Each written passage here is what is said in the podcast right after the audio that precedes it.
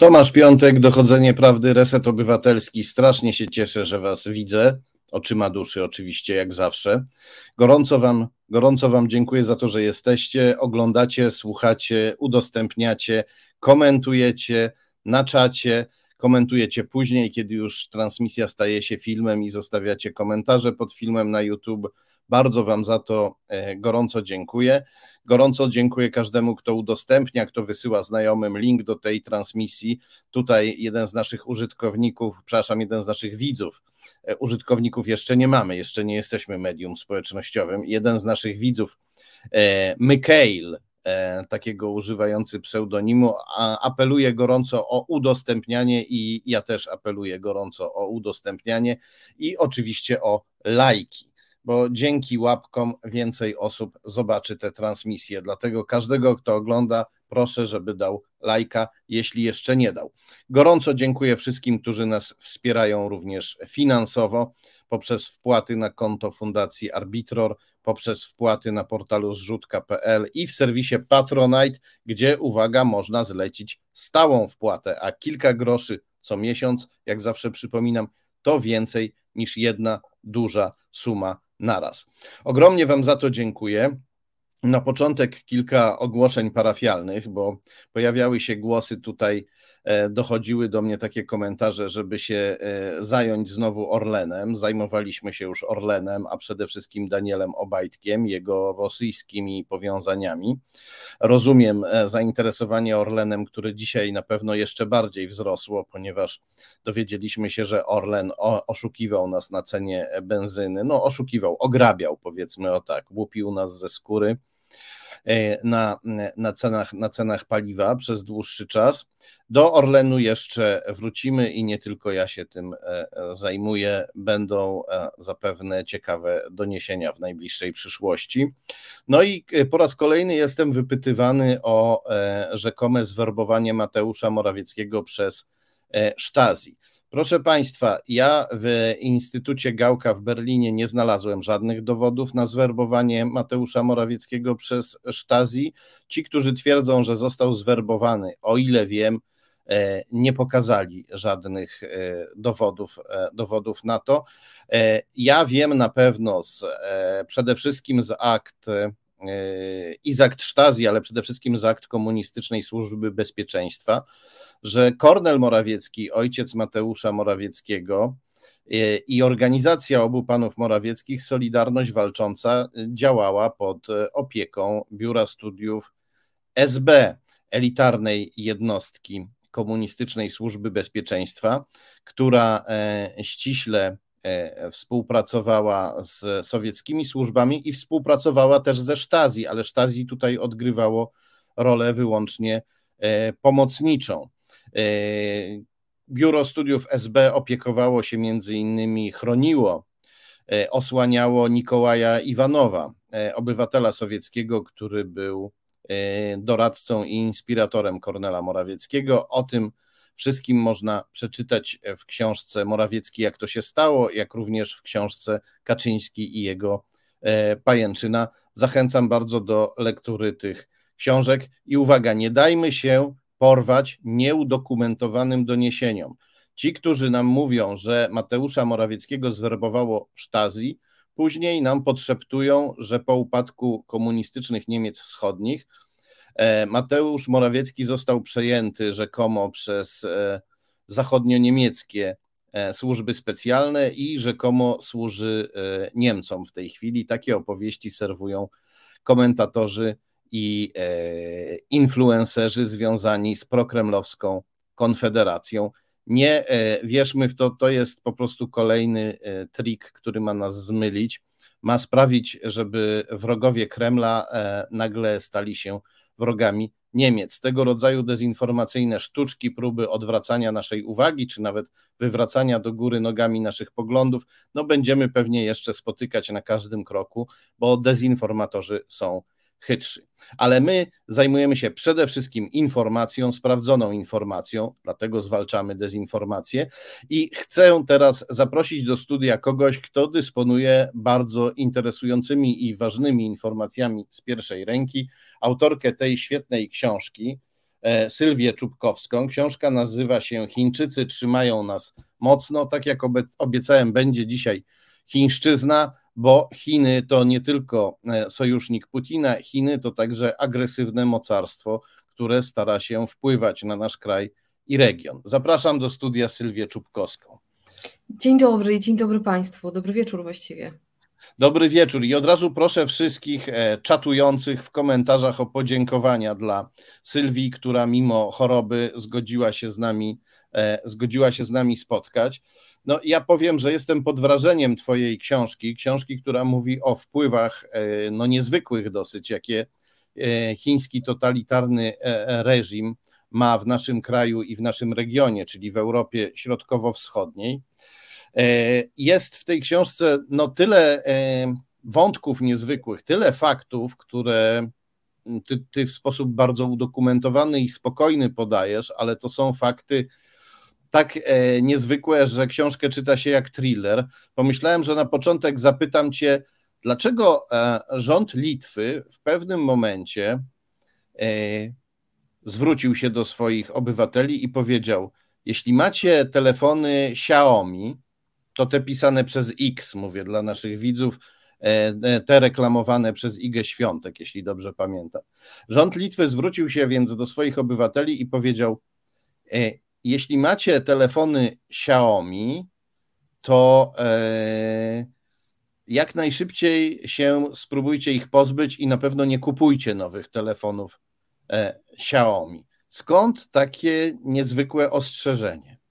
To jest bardzo ciekawe pytanie, to jest w ogóle bardzo ciekawy case tej Litwy. E, można wręcz mówić o pewnego rodzaju piwocie takim, bo Litwa z państwa, które właściwie nic z Chinami nie miało specjalnie wspólnego, ani nie współpracowało bardzo blisko z chińską gospodarką, z chińskimi biznesami, z chińskimi politykami, ale też się nie odcinało w jakiś taki drastyczny sposób. W ostatnich latach dokonała takiego bardzo mocnego zwrotu i bardzo wyraźnie się ustawiła po prostu w dyskusji. I ta, ta narracja, ta wypowiedź ministrów, bo to byli ministrowie rządu litewskiego oraz szef tamtejszej służby, agencji wywiadu y, litewskiej, te wypowiedzi, które były Oczywiście to jest pewnego rodzaju uproszczenie, kiedy, kiedy tak cytujemy, tak? Pozbądźcie się telefonów, to było raczej polecamy uważać, zrobiliśmy analizę, chodzi nam z tych analizy, z badań, bo to nie była analiza, to jest bardzo ważne, to było badanie sprzętu, sprzętów Xiaomi, Huawei i Oppo, czyli trzech największych marek chińskich, jeżeli chodzi o dostarczanie telefonów komórkowych i nie tylko, bo Xiaomi i to jest też po prostu wielki dostawca w ogóle sprzętu mobilnego, a Huawei e, sprzętu do infrastruktury telekomunikacyjnej. Dokonano analizy, takiego badania, takiej kontroli po prostu na żywym organizmie, na konkretnych modelach, najpopularniejszych w danym momencie.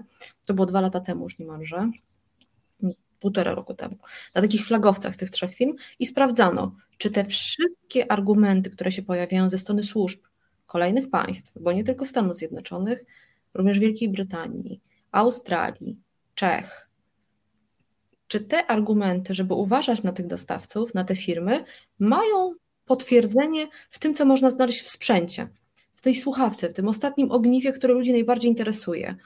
I e, z tej analizy wynikło, podkreślajmy, to jest bardzo ważne, to nie była jakaś prywatna firma, nie robiła, to robiła służba litewska. Analitycy, eksperci służby litewskiej to wykonywali te badania. E, wyszło im, że w telefonach Xiaomi, w tym konkretnym modelu, ale jest podejrzenie, że to może być po prostu większej ilości modeli, jest zaszyty specjalny mechanizm pozwalający na cenzurowanie treści zarówno tych wpisywanych, jak i wyszukiwanych, czyli i w komunikatorach chociażby, czy w mediach społecznościowych, ale też w wyszukiwarkach.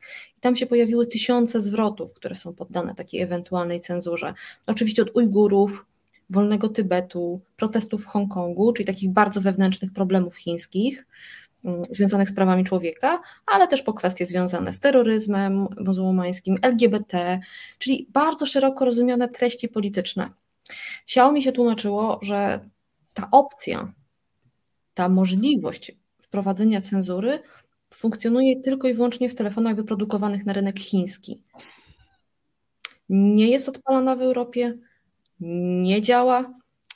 Jednak, to znowu podkreślmy, bo to jest bardzo ważne, nie prywatna firma, nie konkurencja, nie nawet jakaś firma, powiedzmy, prywatna wciąż, ale związana, znaczy firma mm, zajmująca się cyberbezpieczeństwem, śledztwem, śledztwami cyberbezpieczeństwa, ale jednak prywatna, powiązana z jakimś prywatnym kapitałem, państwowa służba jednak uznała, że to jest na tyle duże ryzyko, że może być ta opcja odpalona. No, w gruncie rzeczy telefony funkcjonują na systemach operacyjnych, które są zarządzane przez twórców również z zewnątrz. To doskonale wiemy. Pojawiają się tam aktualizacje chociażby, tak, systemów operacyjnych, że możliwość jest odpalenia tej funkcji i w ramach poinformowania po prostu swoich obywateli, na co możecie niestety natrafić, w co zainwestujecie swoje pieniądze.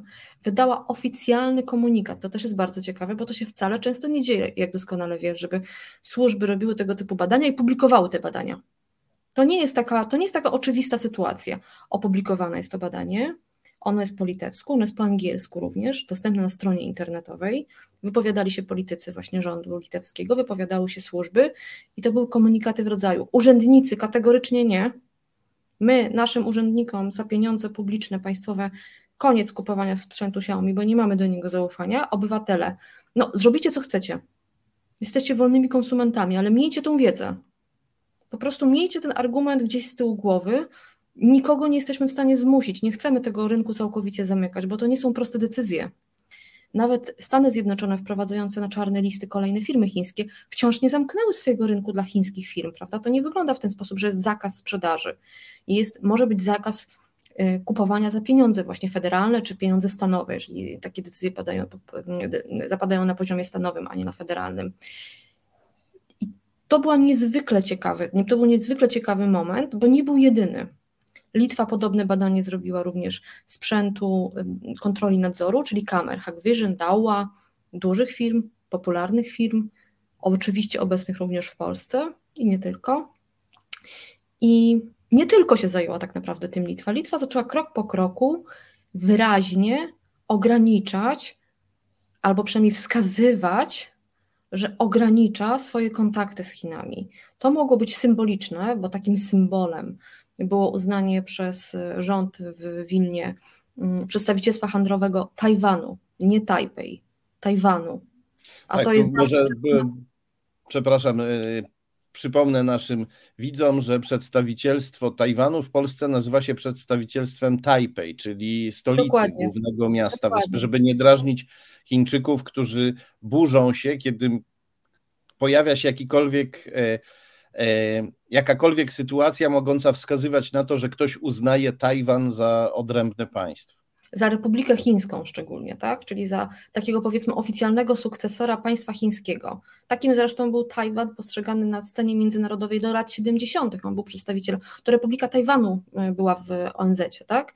i w Radzie Bezpieczeństwa. W latach 70.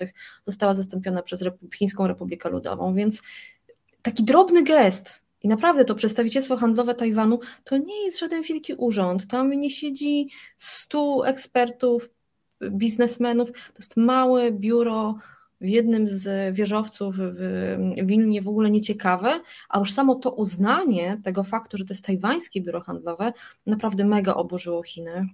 I no, wybuchł skandal dyplomatyczny, skandal, którego efektem była ucieczka, bo tego inaczej nie można nazwać, ucieczka dyplomatów litewskich z Pekinu w takich bardzo mm, no można powiedzieć wręcz filmowych y, okolicznościach, bo pani ambasador, która zresztą przyjechała do Pekinu po powrocie z, z ojczyzny po jakimś czasie, musiała przejść kwarantannę. To jeszcze była taka ta długa, miesięczna kwarantanna i ledwie ją skończyła, to wsiadała z powrotem w samolot i wróciła do Wilna, bo... bo oni, się, oni się bali, że Chińczycy przestaną uznawać ich za dyplomatów i mogą wtedy ich natychmiast uznać za szpiegów i wsadzić do więzienia lub do obozu koncentracyjnego. Ale podsumowując wątek. W dużym skrócie, tak, w dużym skrócie dokładnie tak to było. Znaczy, Chiny jednostronnie zmieniły e, nazwę, znaczy uznanie placówki dyplomatycznej z ambasady na jakąś taką w ogóle niefunkcjonującą w prawie dyplomatycznym nazwę. I Biuro Charge d'Affaires czegoś takiego nie ma. Znaczy może być Biuro charge d'affaires, może być konsulat, ale nie ma biura charge d'affaires w prawie nie Tak. I z automatu dyplomaci litewscy wrócili do domów i e, znaczy, to jest niezwykle ciekawa sprawa. Ja myślę, że w ogóle jej trochę za mało, sprawie całej litewskiej, trochę za mało um, uwagi w Polsce przykładaliśmy, bo no, Litwa jest naszym bezpośrednim sojusznikiem, sąsiadem i jest też takim, um, a przynajmniej powinna być dla nas, też takim trochę papierkiem lakmusowym, sygnałem tego, co się dzieje na scenie międzynarodowej. Bo jako, że jest mała, to czasami może sobie pozwolić na więcej, prawda? ale też inni mogą sobie próbować w jej przypadku pozwolić na więcej i wtedy wyraźniej widać, y, czego ktoś naprawdę chce, czego na przykład naprawdę chcą Chiny, jak naprawdę nas traktują. Podsumowując wątek Xiaomi, e, e, okazało się, że w każdym takim telefonie jest mały chiński elektroniczny cenzor, który może ograniczać dostęp do treści, które się nie podobają chińskiemu totalitarnemu rządowi. E, e, firma zapewniła, że ten cenzor w krajach zachodnich nie jest odpalony, ale on w tym telefonie siedzi i w każdej chwili mógłby zostać odpalony. Tym bardziej, że jeśli dobrze zrozumiałem, ty piszesz, że ten nieodpalony cenzor, e, taki przyczajony tygrys, ukryty smok mhm. siedzący w tym telefonie, on był aktualizowany, to znaczy tak. ciągle tak. się pojawiały w nim nowe zakazane treści i w momencie jego ewentualnego odpalenia one wszystkie natychmiast zostałyby ocenzurowane, stałyby się niedostępne dla użytkownika telefonu. Dokładnie tak, to też jest bardzo ważne. Ponownie służby, służby litewskie raz jeszcze wykonały to badanie. To pokazuje taki profesjonalizm w podejściu, tak? Po, po kilku miesiącach powtórzono i wyszło, że jest kolejna, jeszcze większa ta baza słów, zwrotów zakazanych które mogą być cenzurowane. Ja myślę, że to trochę jak z, tym, z tymi obywatelami, konsumentami litewskimi. Dobrze o tym wiedzieć. Nikomu się nie zakaże kupienia Xiaomi. Ja nikomu nie jestem, jestem wielokrotnie pytana, naprawdę nie odradzam. Uważam tylko, że dobrze wiedzieć, tą wiedzę wziąć sobie pod uwagę przy podejmowaniu decyzji, także też konsumenckich, tak? Tak jak się bierze pod uwagę, nie wiem, energooszczędność lodówki czy nie tylko cenę, prawda?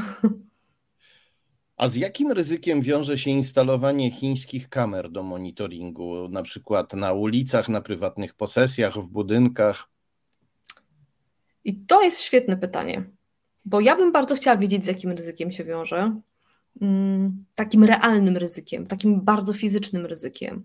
I to, że ja nie wiem tego i że my tego naprawdę do końca nie wiemy, my, to znaczy mówię społeczeństwa Zachodu, dziennikarze, Myślę, że w dużej mierze też nie wiedzą tego wcale analitycy. To jest sygnał alarmowy, bo skoro my nie wiemy, to nie mamy nad tym kontroli. Oczywiście my możemy tak samo krytykować i krytykujmy amerykańskie big techy, chociażby amerykańskich producentów sprzętu za przeróżne rzeczy, również za manipulowanie z naszymi danymi, e, zbieranie za znacznie o, o wiele za dużej ilości, e, algorytmy, które to dzisiaj wspominałeś, lajkujcie, bo inaczej algorytm nas ukryje, tak? My nie wiemy, jak ten algorytm do końca działa, ale lajki są ważne, ale nie wiemy jak, nie wiemy jak bardzo. My, więc jest za co krytykować również amerykańskie big techy, ale my je po pierwsze możemy trochę przynajmniej skontrolować, a przynajmniej może je skontrolować rząd amerykański i je kontroluje. Przygotowywana jest y, na poziomie wdrażania też w Unii Europejskiej dwie duże dyrektywy, też dotyczące kontroli tych firm, a z firmami chińskimi jedynym kontrolerem ich funkcjonowania jest chińska partia komunistyczna.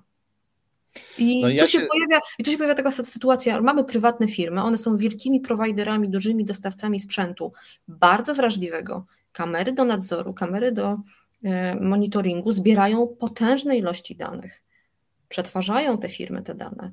I nie mamy pojęcia, czy my możemy te firmy naprawdę skontrolować, co one z tym robią, bo jedynym kontrolerem jest partia, a skoro jest jedynym kontrolerem, to jeżeli partia sobie zażyczy, a może sobie zażyczyć, My nie wiemy, czy robi to na bieżąco, czy jest taka linia otwarta tak, pobierania danych, czy robi to wtedy, kiedy potrzebuje, czy ma jakieś cele namierzone na świecie. Zapewne ma. Możemy tak założyć, bo na to wskazują też konkretne raporty kolejnych służb tak, ze świata. E, ale nie wiemy, nie wiemy, nie mamy nad tym najmniejszego, nawet małego palca na tym nie możemy położyć, powiedzieć tak, tym jednym, że ja tu wiem, nic nie wiem, no właśnie, ja z Twojej książki się dowiedziałem paru rzeczy, no wielu rzeczy, których nie wiedziałem. Wiedziałem, że e, prezydent Duda w swojej prywatnej willi zamontował sobie chińską kamerę, która być może na przykład gromadzić i przesyłać jakieś dane z tej willi, bo nie wiemy, nie wiemy tak naprawdę, co, co ona może zrobić. E, natomiast i to już budzi we mnie pewną grozę. I tutaj pewnie nasi widzowie się uśmiechają e, i kiwają głowami i mówią sobie głupi ten Duda, ale to wcale nie musi być wynik głupoty. On, Andrzej Duda, oczywiście wielkim orłem intelektu nie jest, ale swój spryt ma. On może mieć zupełnie inne priorytety. On z jakichś powodów może się nie martwić tym, że e, jakieś scenki e, rodzajowe, rodzinne z jego willi, czy jakieś jego spotkania mogłyby trafić do, do Chińczyków. On Chińczyków, e, jak wiemy, lubi, albo przez długie lata bardzo lubił, okazywał im wiele sympatii. Natomiast przerażenie mnie ogarnęło większe jeszcze, mimo że Duda to głowa państwa, ale jednak większe przerażenie mnie ogarnęło, kiedy przeczytałem, że te urządzenia, te kamery zostały zamontowane w Ministerstwie Spraw Wewnętrznych i również w Ministerstwie e, Obrony, nawet gdzie niegdzie. E, o tym się dowiedziałem z Twojej książki. Również I... te urządzenia, urządzenia do kontroli e, i nadzoru chińskie są w Sejmie Polskim. No właśnie, a to już nie jest prywatna willa, już pomijając to, że głowy państwa. To jest to są e, najważniejsze dla naszego bezpieczeństwa narodowego miejsca. To jest teren państwowy, który powinien być całkowicie pod kontrolą naszych, e, naszych władz i żaden wywiad nie powinien mieć żadnej furteczki otwartej, żeby tam sobie, żeby tam sobie zaglądać. I jak to się dzieje, że nasi politycy podejmują takie, takie decyzje? Po pierwsze, moim zdaniem to nie do końca politycy podejmują te decyzje. Te decyzje podejmują urzędnicy. Podejmują, podejmowali, były przetargi. Na większość tych sprzętów były przetargi, albo przynajmniej były zamówienia publiczne, jeżeli nie przekraczało to kwot przetargowych. I te urządzenia są tanie. Znaczy, relatywnie są tanie.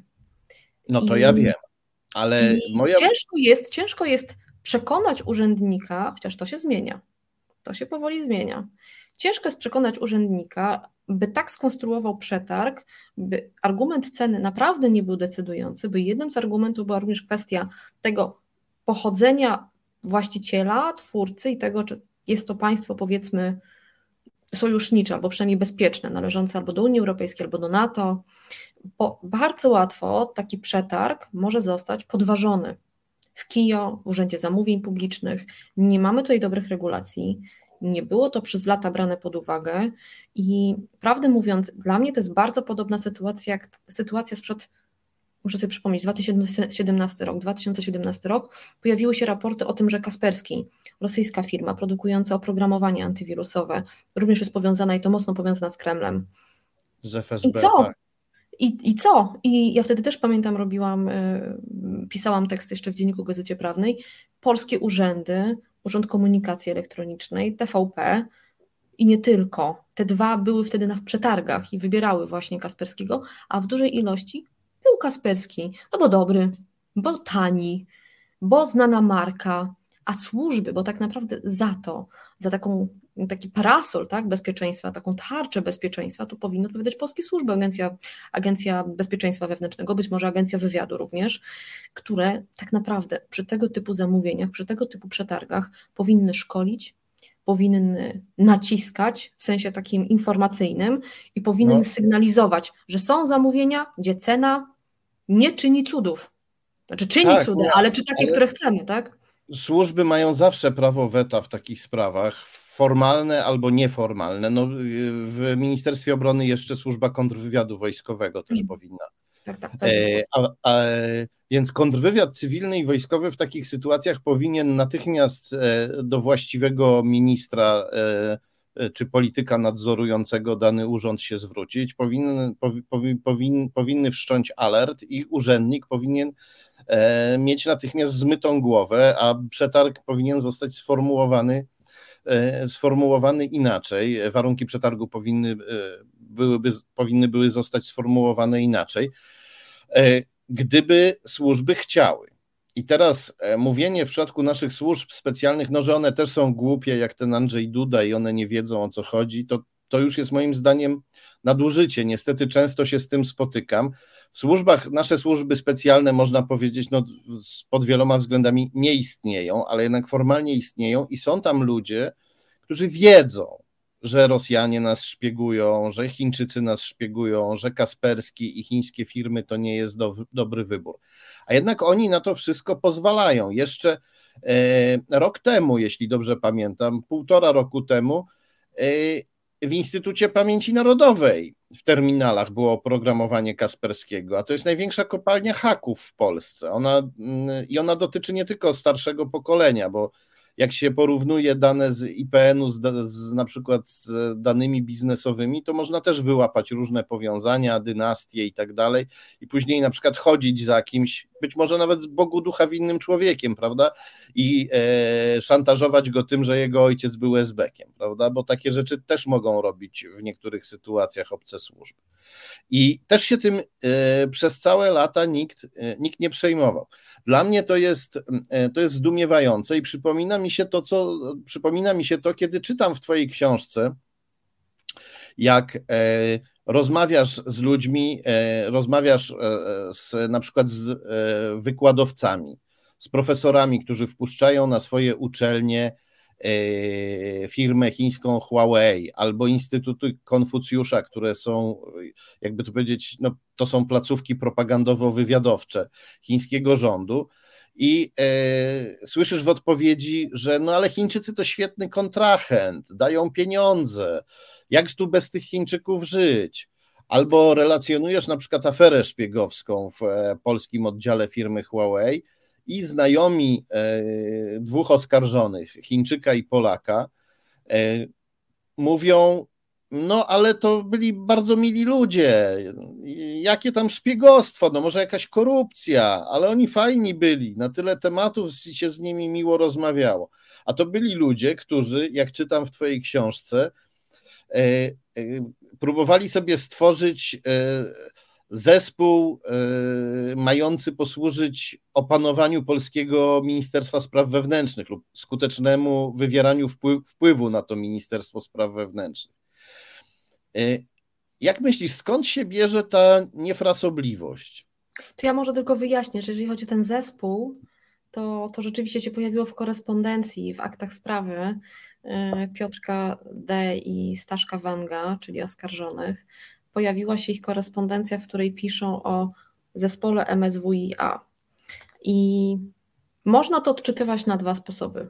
Można to odczytywać jako tworzenie rzeczywiście, zatrudnianie pracowników związanych z MSWiA po to, żeby mieć lepsze wpływy w MSWiA i znaczy to jest dosyć oczywiste, tak, żeby mieć lepsze wpływy w polityce, wśród urzędników, w tej, w tej grupie takiej mm, decydenckiej, powiązanej z zamówieniami, które Huawei interesowały ówcześnie, ale można to też odczytywać jako pewnego rodzaju taki skrót myślowy, że skoro Piotr D. ma kontakty w MSWiA i tam ma fajnych kolegów i wie kogo wskazać, to on tam pomoże, urzędnik przeskoczy z tej, z tej biednej urzędniczej pensji na dobrą menadżerską w dużej firmie, tak?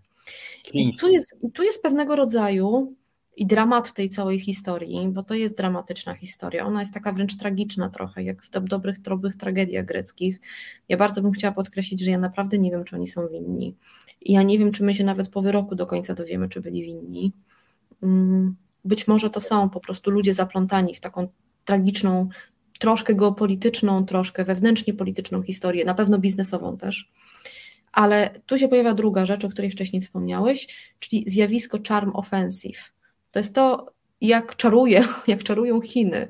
Ten ich czar, tak jak w tym angielskim, w angielskim idiomie, jest taki ofensywny, jest taki bardzo inwazyjny, jest taki wkraczający w aspekty właśnie nie tylko takie realpolitik, ale bardzo emocjonalne też, tak? No jak to możemy wykluczyć Chiny? Przecież one się zezłoszczą, a lepiej nie drażnić smoka, jak to możemy wykluczyć Chiny, czy też traktować je ostrzej, bo przecież nam jest potrzebna konkurencja, jesteśmy państwem kapitalistycznym, tak, wolnorynkowym.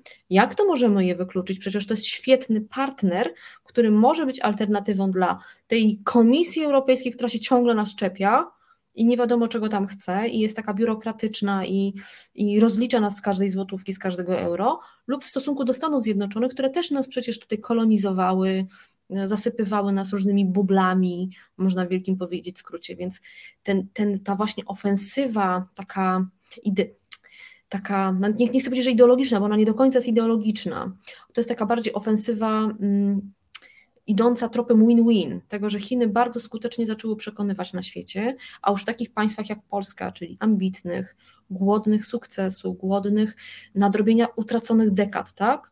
Tak jak cały ten nasz region, dlatego ja się właśnie regionem zajęłam, bo pewne rzeczy dopiero widać, jak się porówna, jak się patrzy na tych kilkanaście państw. Więc w takich bardzo ambitnych, głodnych państwach hasło win-win, że my tu przyjdziemy i Wam zaproponujemy biznes, na którym obie strony wygrają, działa fenomenalnie.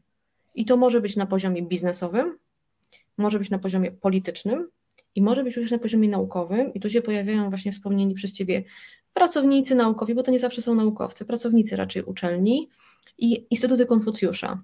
No bo Instytuty Konfucjusza, trzeba to zrozumieć, to jest troszkę jak Instytuty Goethego czy British Council, czyli takie oficjalne instytuty chińskie, które służą na świecie propagowaniu nauki języka chińskiego, chińskiej kultury, tam jest parzenie herbaty, tam są jakieś opowieści o historii, poezji chińskiej, etc. Ale w przeciwieństwie do właśnie Instytutów Goethego, Instytutu Cervantesa, oferują swoje lekcje za darmo i w obrębie uczelni. Czyli nie są prywatne, nie są publicznymi, ale płatnymi przez uczniów miejscami, gdzie można się nauczyć języka i kultury, za darmo i w obrębie uczelni, uniwersytetów. I co bardzo ważne, uniwersytety nie mają nad nimi kontroli. Znaczy są w pewnym sensie przynajmniej częściowo wyłączone. Ale co takiego jest pociągającego w tych instytutach? Co takiego jest pociągającego w tych instytutach w takim, w takim wypadku dla uczelni? Bo uczelnie za nie też nie płacą. Te instytuty same zatrudniają swoich nauczycieli, lektorów, więc no jest win-win. Uczelnia oferuje naukę języka chińskiego, mandaryńskiego, super, przyciągnie tym studentów i jeszcze za to nie płaci. Oni wygrali, bo uczą i my wygraliśmy, bo mamy bezpłatną naukę. Przy no, czym z instytucjami, instytutami Konfucjusza ja bym tutaj zwróciła na jedną rzecz uwagę. My przynajmniej wiemy, gdzie są. Prawda? To jest być może naj, najlepsza rzecz, że one są takie wyraźne, widoczne, jawne. Doskonale wiesz, że służby lubią takie bardzo jawne jednostki funkcjonowania obcych, y, obcego wywiadu, prawda? Nie trzeba namierzać, nie trzeba się starać. Y, też to jest pewnie jeden z powodów, dla których wciąż Instytuty Konfucjusza na świecie powszechnie funkcjonują.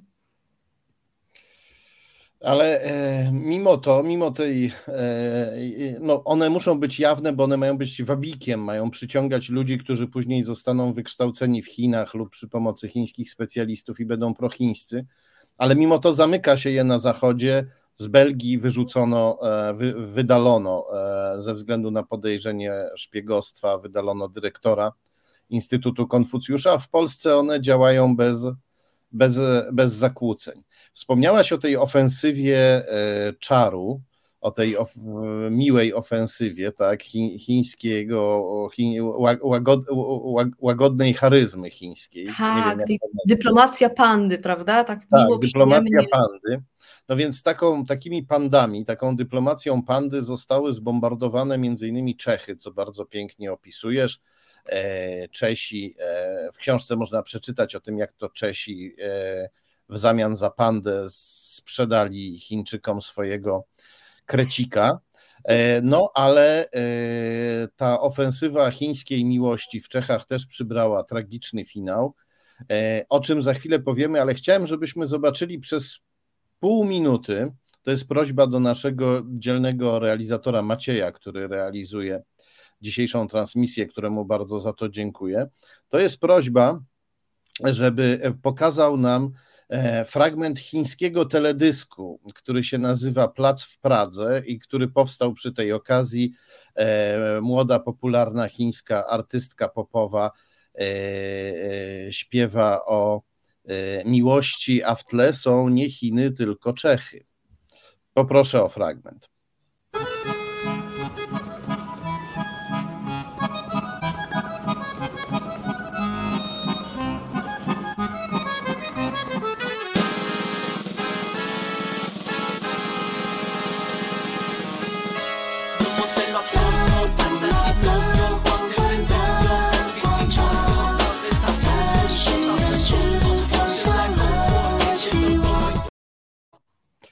No, chyba, chyba tyle wystarczy. Już e, poczuliśmy klimat. Ale klimat Ach, jednak... Ja mam od razu wspomnienia, bo bardzo dużo tego słuchałam, jak jeździłam do Pragi zbierać materiał i rzeczywiście jakoś ta piosenka ze mną została. No ale klimat był jednak trochę inny, ponieważ pewien czeski senator, jak piszesz w książce, postanowił mimo wszystko pojechać na Tajwan, a Chińczycy zaczęli szantażować Czechy, że jeśli ten senator pojedzie sobie na Tajwan ze senatorską czy nawet prywatną wizytą, to y, Chińczycy odetną finansowanie swoich inwestycji e, e, w Czechach.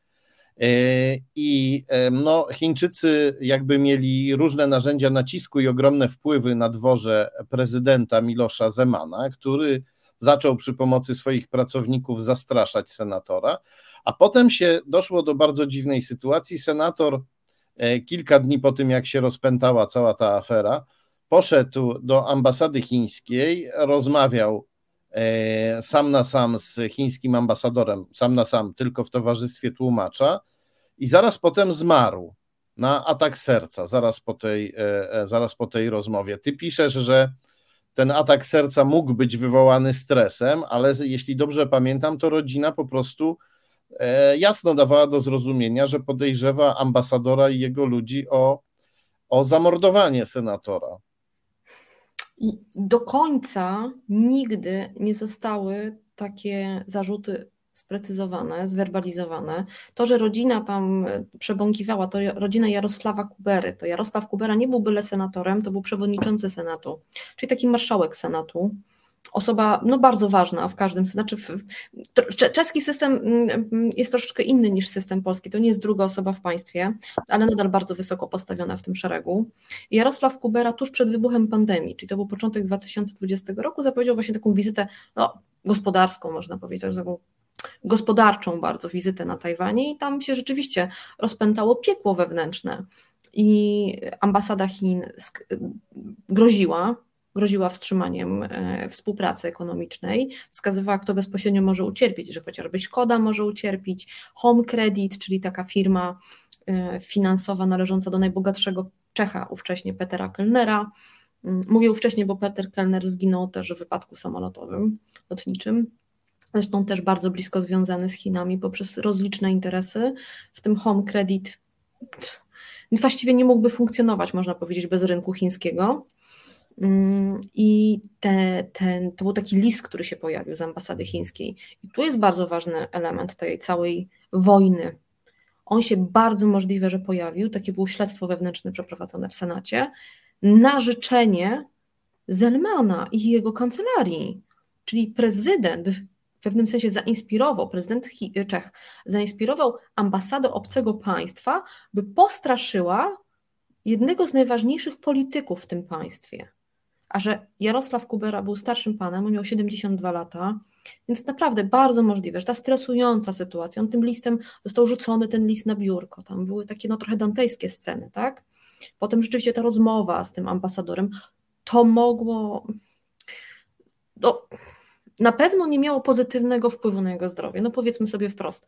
Silnego, młodego człowieka by to pewnie bardzo y, zestresowało, a starszy człowiek mm, są duże możliwości, że to miało po prostu negatywny wpływ na jego zdrowie. Mówię, było śledztwo przeprowadzone w, w Czechach, była komisja śledcza w Senacie, nie udowodniła tutaj żadnych takich działań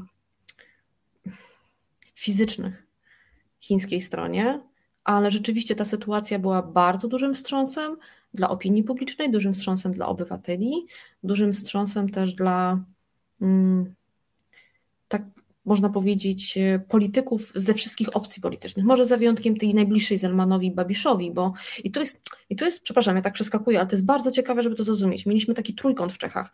Mieliśmy prezydenta Zelmana, premiera Babisza, najbogatszego człowieka Petera Kellnera i ten trójkąt, ta piramida nawzajem wspierała się w nawiązywaniu coraz bliższych kontaktów z Chinami, gospodarczych, politycznych, dyplomatycznych, kulturowych. Właśnie stąd ten krecik, tak, który nagle dostał przyjaciółkę pandę i nową wersję bajki dla dzieci. I wplątywała ten kraj w takie bardzo silne, wręcz taką trochę pajęczynę zależności. I ta śmierć Kubery była takim otrzeźwieniem dla ludzi. I takim może dla nas to jest ciężko zrozumieć, bo u nas nie ma takich poważnych dyskusji na temat Chin, wciąż nie ma, ale jakbyśmy sobie wyobrazili, że taka sytuacja się w Polsce dzieje, gdzie gdzieś z tyłu jest Rosja, to, byłoby, to byłby wstrząs, prawda? Przyjaciel prezydenta okazuje się być rosyjskim, a w tym wypadku w, Chin, w Czechach to był chiński.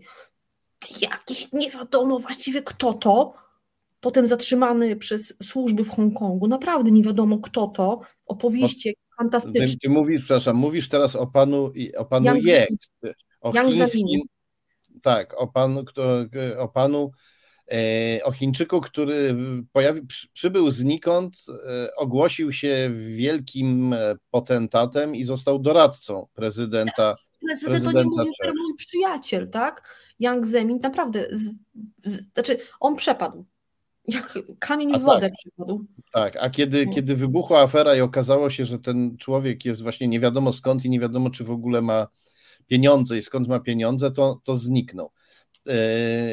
No ja nie chińskie, wiem, czy. Chińskie pieniądze pojawiły się w mediach czeskich, Via właśnie Home Credit, które tam zostało właścicielem, znaczy chińskie fundusze zostały właścicielem, współwłaścicielem telewizji Meduza, więc strasznie tego dużo się zebrało i jak pękło, jak jedna ta historia na początku 2020 roku wybuchła, to była takim mocnym otrzeźwieniem dla Czechów, dla czeskiej opinii publicznej, elit politycznych i takim przestrachem, do czego my pozwoliliśmy, żeby nas doprowadzono w kraju, w którym my oczywiście mamy takie wyobrażenia, jakie mamy w Polsce wyobrażenia, ale jakby nie było w kraju Hawla, który tak mocno zawsze kładł nacisk na prawa człowieka, był przyjacielem Dalaj Lamy i tak dalej, a my tu się wplątujemy w jakieś nie wiadomo jakie historie, stajemy się, rozgrywają nami, tak?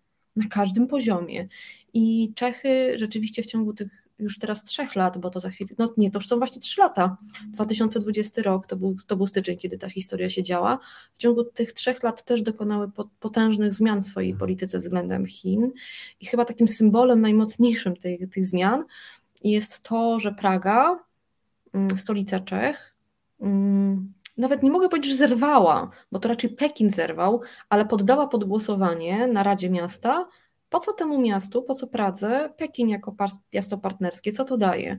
Jak poddała to pod głosowanie, to Chiny powiedziały, to nie chcemy, to my zrywamy współpracę i w miejsce współpracy z Pekinem została nawiązana taka siostrzana współpraca właśnie z Tajpej, czyli stolicą Tajwanu, a zamiast pand do zoo czeskiego trafiły, mm, ojej, jak się nazywają te zwierzaki takie z Tajwanu, takie... Mm, Łuskowce, o, łuskowce się nazywa, no niespecjalnie ładne, pandy są ładniejsze, nie, nie oszukujmy się, milsze, ale to takie bardzo symboliczne było, tak, nagle takie rozcięcie, nie jak na Litwie, że my zaczynamy blokować, my się wyraźnie ustawiamy, ale w Czechach nastąpiło ucięcie po prostu.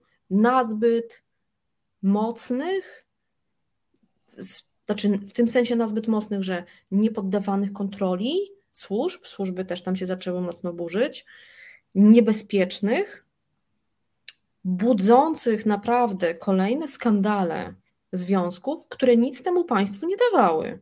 To nie jest tak, że to państwo coś wygrało na tym, tam nie było żadnego win. Tam, jeżeli ktoś na tym wygrał, to Babisz i, i e, Babisz i prezydent. I Zeman. Zeman, dokładnie, bo tak, na tych, na tych związkach z Chinami. Tak, to jest, wykorzystywali to jest, te pieniądze do budowania własnej oligarchii tak naprawdę, własnych sieci oligarchicznych. To tutaj podsumowując, bardzo ciekawe jest w tej, książce to, że ty też e, obalasz mit Chin jako wielkiego mocarstwa gospodarczego, z którym koniecznie trzeba współpracować, bo po prostu sprawdziłaś fakty w roczniku statystycznym i w innych E, pewnych źródłach i okazuje się, że my wcale nie eksportujemy do Chin tak wiele płodów rolnych, nie mówiąc już o jabłkach, i że te wszystkie opowieści o tym, że zalejemy Chiny naszymi produktami, to są bajki, które mają nam e, mydlić oczy, żebyśmy nie widzieli, e, że to raczej Chiny próbują nas, nas produktami zalewać. Bardzo bym sobie życzył, żeby Polacy też przeżyli takie otrzeźwienie jak Czesi i myślę, że Twoja książka może się do tego w ogromnym stopniu przyczynić. Bardzo Ci dziękuję, że mimo choroby znalazłaś czas, żeby z nami porozmawiać.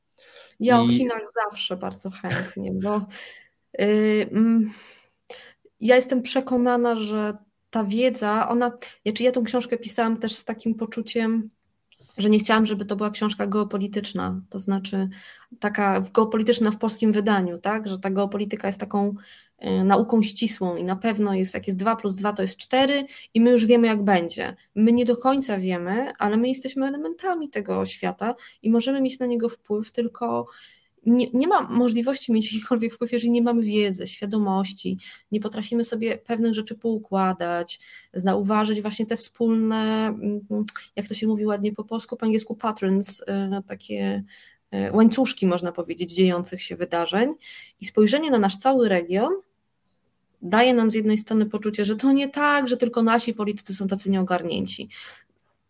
Tak się dzieje, ale to nie znaczy, że tych naszych musimy przez to głaskać po głowach, tylko wiemy, nie, czego wymagać.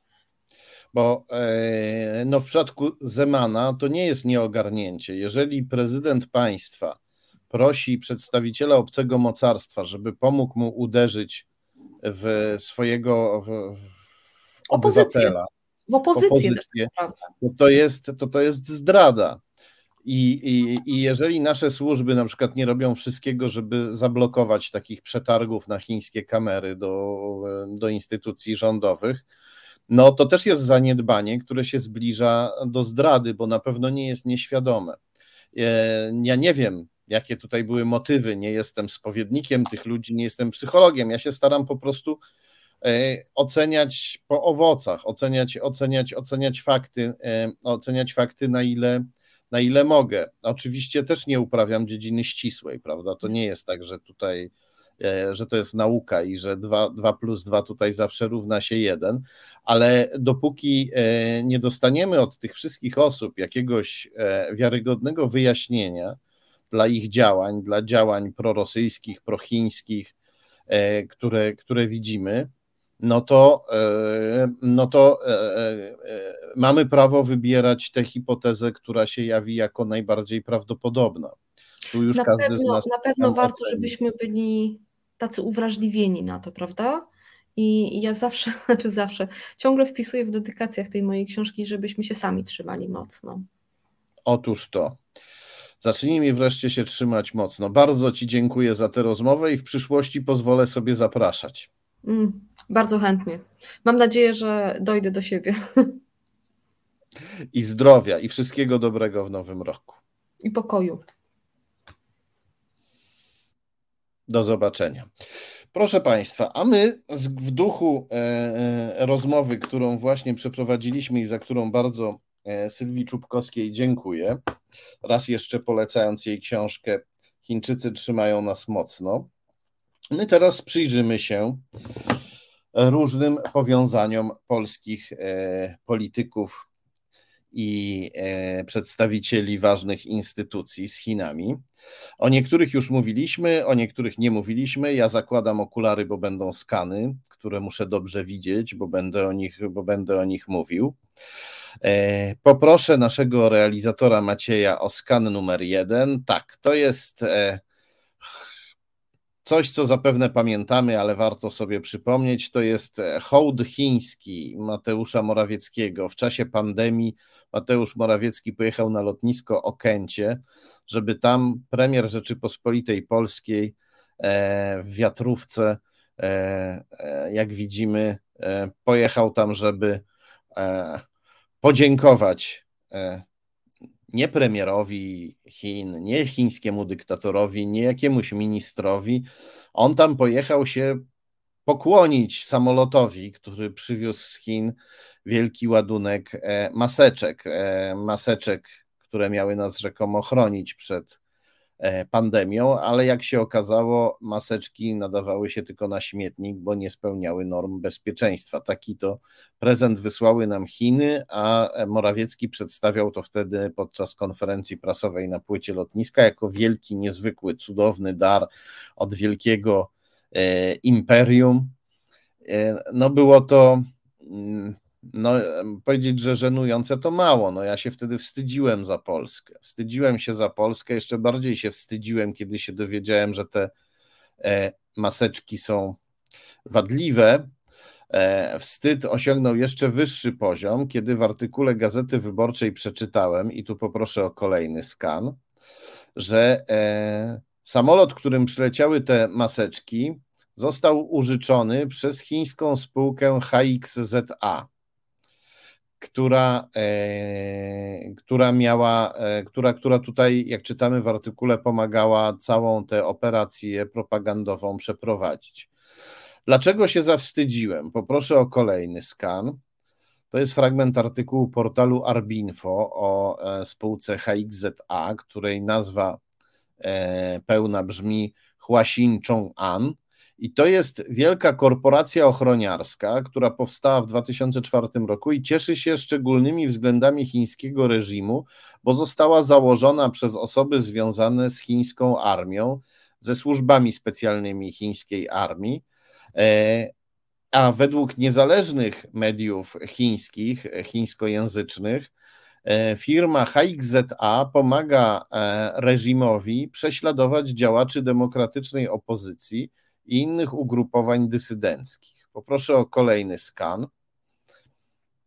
To jest fragment jednego z tych artykułów z portalu Sound of Hope, czyli Dźwięk Nadziei. E, to, to jest portal prowadzony przez e, przedstawicieli chińskiej opozycji i chińskiej emigracji demokratycznej. I oni piszą, że ta firma, firma HXZA, czyli Huaxin Chong'an, e, prowadzi nielegalne więzienia, w których są trzymani dysydenci, przeciwnicy reżimu nielegalnie, nawet z punktu widzenia chińskiego prawa, bez żadnego wyroku, bez żadnego nakazu trafiają do takich, do takich więzień. Poproszę o kolejny skan. To jest e, dalszy ciąg tego artykułu. E, to jest artykuł o tym, że przedstawiciel e, stowarzyszenia Falun Gong, które jest w Chinach zabronione, które zajmuje się tradycyjną e, gimnastyką i medytacją chińską. E, członek tego stowarzyszenia został zamknięty w takim nielegalnym więzieniu i kiedy próbował postraszyć swojego strażnika, mówiąc mu, że, po, e, że jeśli wyjdzie z więzienia, to pozwie go i jego kompanów za nielegalne pozbawienie wolności, za porwanie. Tamten się e, zaczął śmiać i odpowiedział, że e, nic mu się nie stanie, bo pracuje dla HXZA i spółka HXZA jest w Chinach nietykalna. Jest taką nielegalną, prywatną służbą specjalną chińskiego reżimu. To tyle o Morawieckim i jego hołdzie chińskim. Poproszę o kolejny skan. To jest właściwie taki montaż różnych obrazków. Widzimy tutaj Andrzeja Dudę podczas jego licznych spotkań z chińskim zbrodniczym dyktatorem Xi Jinpingiem. Panowie sobie nie podawali ręce, panowie e, wymieniali uprzejmości. E, Duda, jak gdy tylko PiS doszedł do władzy w Polsce, Duda pojechał na tygodniową wizytę do Xi Jinpinga, potem Xi Jinping przyjechał do Polski z małżonką, żeby odwiedzić Dudę. Sprawa została e, dokładnie opisana w książce E, Duda i jego tajemnice, którą, którą, też wam, którą też Wam polecam, te bliskie związki Dudy z, z Xi Jinpingiem. E, poproszę o kolejny skan, bo być może odnotowaliśmy te bliskie związki Dudy z Xi Jinpingiem, ale możemy na przykład nie wiedzieć tego, że Andrzej Duda dwa lata temu, no dwa lata temu, ponad dwa lata temu, E, pogratulował Xi Jinpingowi z okazji e, powstania e, chińskiego państwa komunistycznego. I nazwał to początkiem polsko-chińskiej współpracy. No, ale to była współpraca wasalnego państwa PRL, które było częścią Imperium Sowieckiego i które zaczęło wtedy współpracować z chińskim reżimem.